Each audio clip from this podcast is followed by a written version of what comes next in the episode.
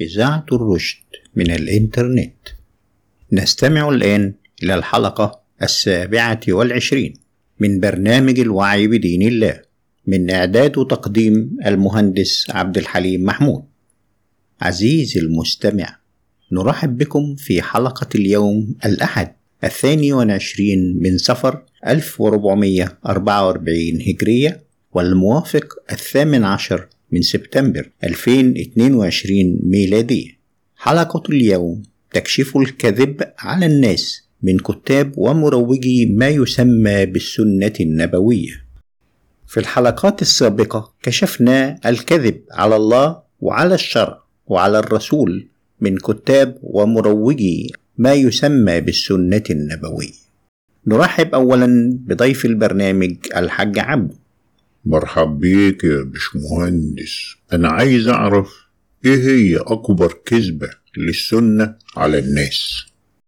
أكبر وأول كذبة لكتاب ومروجي السنة على الناس هي إنهم بيكفروا اللي ما بيؤمنش بالسنة وهذا كذب على الناس وكذب على الله. ليه؟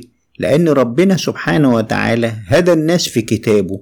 إيه هو اللي يؤمنوا بيه وإيه هو اللي ما يؤمنوش بيه؟ إيه هو اللي يؤمنوا بيه ربنا؟ ذكرهم زي ما قلنا في حلقات سابقة قبل كده في ثلاث آيات لازم كلنا نحفظهم. الآية 136 من سورة البقر والآية 285 من سورة البقر والآية 84 من سورة آل عمران. نمرة واحد تؤمن بما أنزل إليك من قرآن. نمرة اتنين تؤمن بالله. نمرة تلاتة تؤمن بملائكته.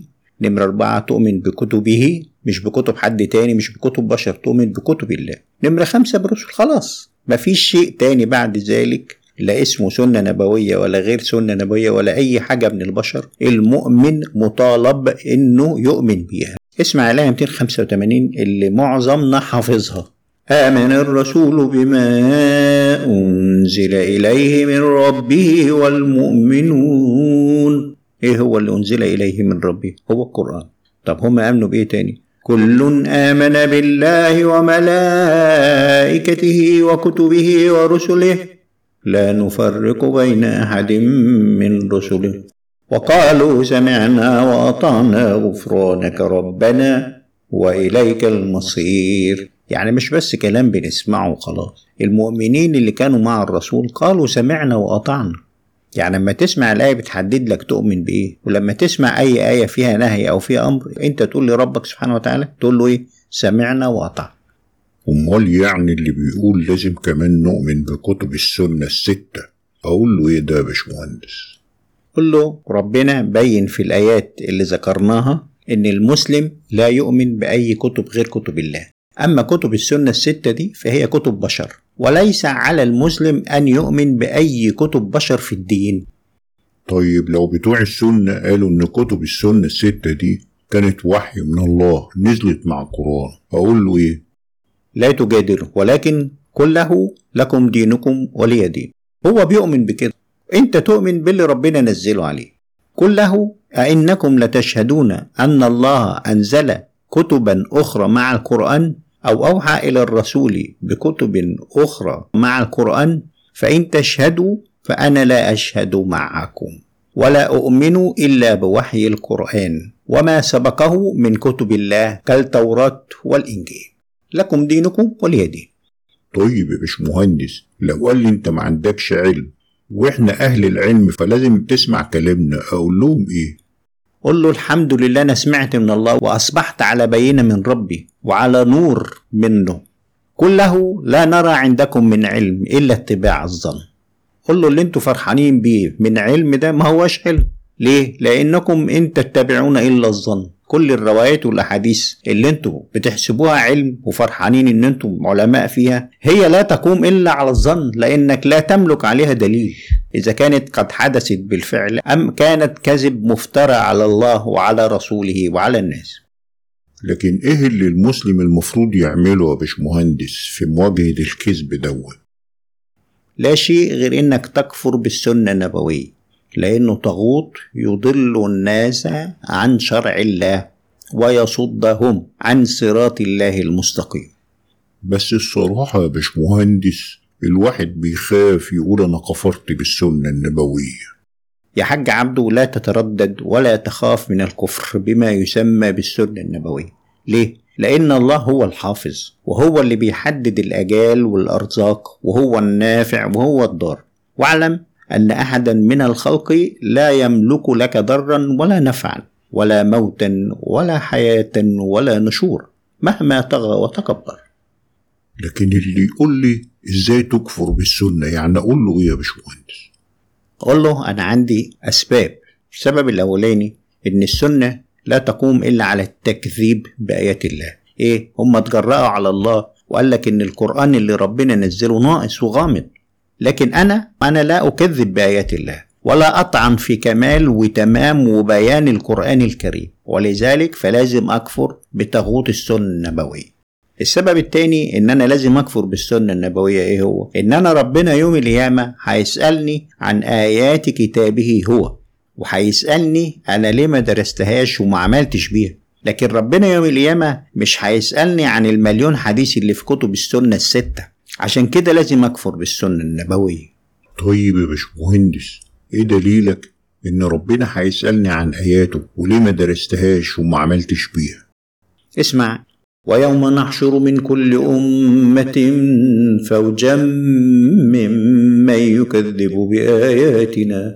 هو هيسأل مين؟ اللي بيكذبوا بآياته. ويقول لك إن هي ناقصة وغم.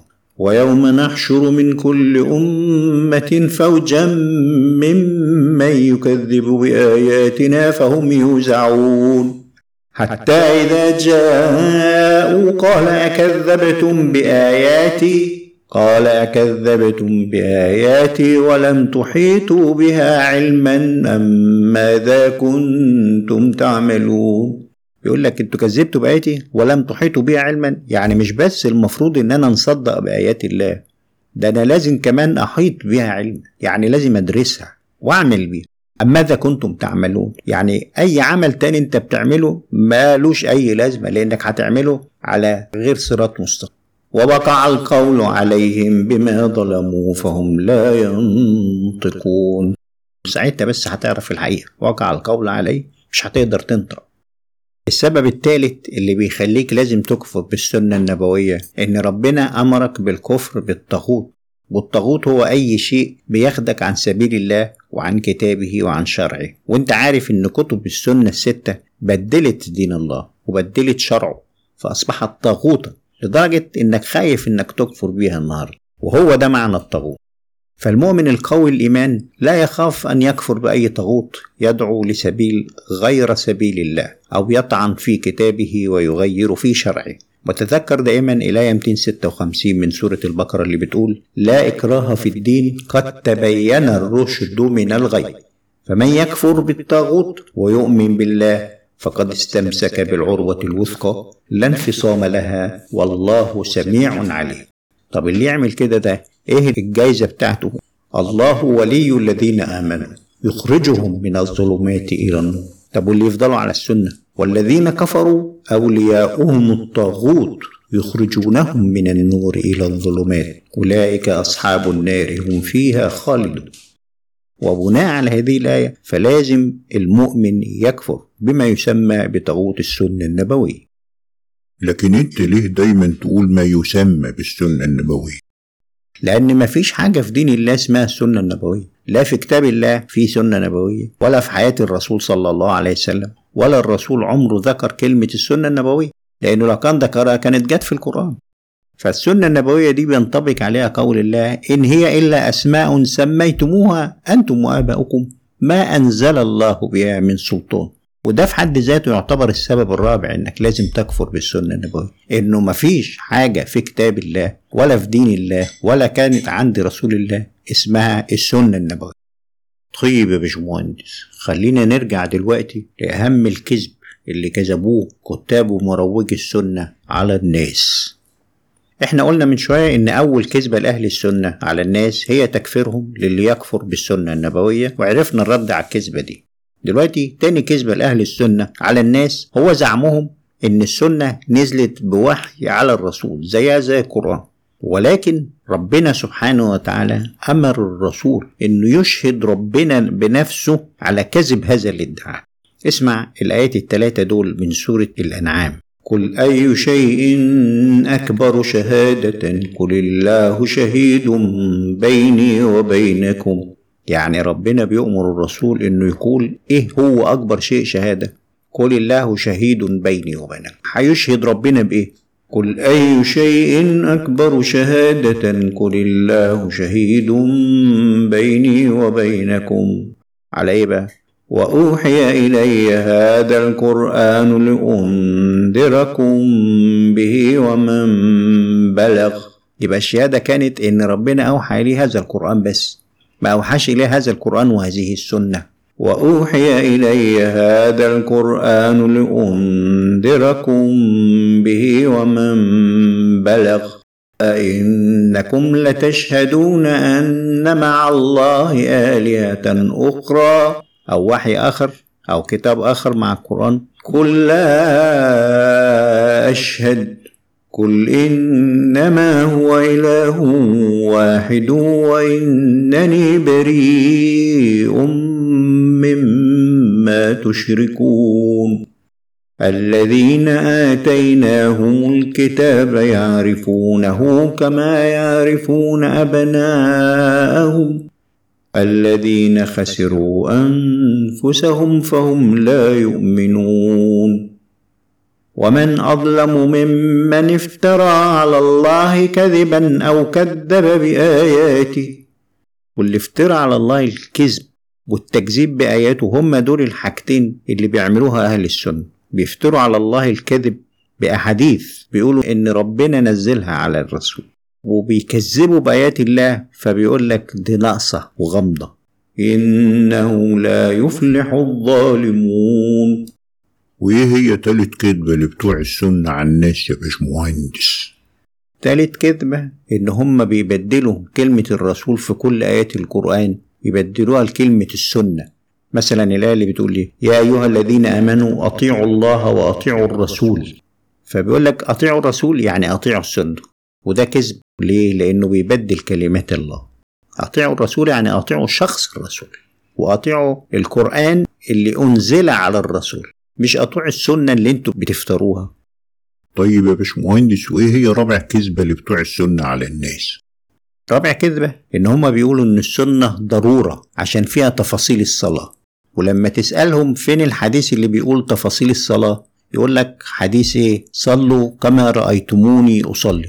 طب فين التفاصيل هو الحديث ده فيه تفاصيل فهم بيكذبوا على الناس وبيكذبوا على أنفسهم وبعدين بيصدقوا الكذب اللي بيقولوه اسألهم هل يوجد أي تفاصيل للصلاة وللزكاة في أي حديث مرفوع للرسول صلى الله عليه وسلم؟ الإجابة لأ. اسألهم هل يوجد أي تفاصيل للصلاة أو للزكاة في كتب صحيح البخاري وصحيح مسلم؟ الإجابة لأ.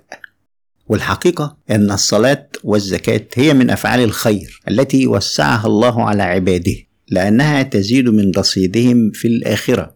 فقال الله في أكثر من موضع في القرآن وأقيموا الصلاة وآتوا الزكاة وأقرضوا الله قرضا حسنا. وما تقدموا لأنفسكم من خير تجدوه عند الله هو خيرا وأعظم أجرا. واستغفروا الله إن الله غفور رحيم. فالخلاصة إن ربنا سبحانه وتعالى جعل الصلاة والزكاة استثمار ليك في الآخرة لأن فيها خير. كل ما تزيد فيه كل ما تلاقيه عند الله في الآخرة هو خيرا وأعظم أجرا. فخلاصة القول إن كتاب ومروجي السنة دول ناس كذبوا بآيات الله وأشركوا مع الله بشرا في شرعه وجعلوا له أندادا من رواة الحديث ومن كتاب الحديث. ومن الأئمة بتاعتهم. وما هؤلاء إلا أئمة يدعون إلى النار. فوجب على كل من يؤمن بما نزل على محمد أن يكفر بطاغوت هؤلاء وإن أسموه كذبا بالسنة النبوية والنبي منه ومنهم براء. وإلى هنا نأتي لنهاية هذه الحلقة وإلى اللقاء في حلقة قادمة إن شاء الله. والسلام عليكم ورحمة الله وبركاته. كنا نستمع الآن إلى الحلقة السابعة والعشرين من برنامج الوعي بدين الله. إذاعة الرشد من الإنترنت.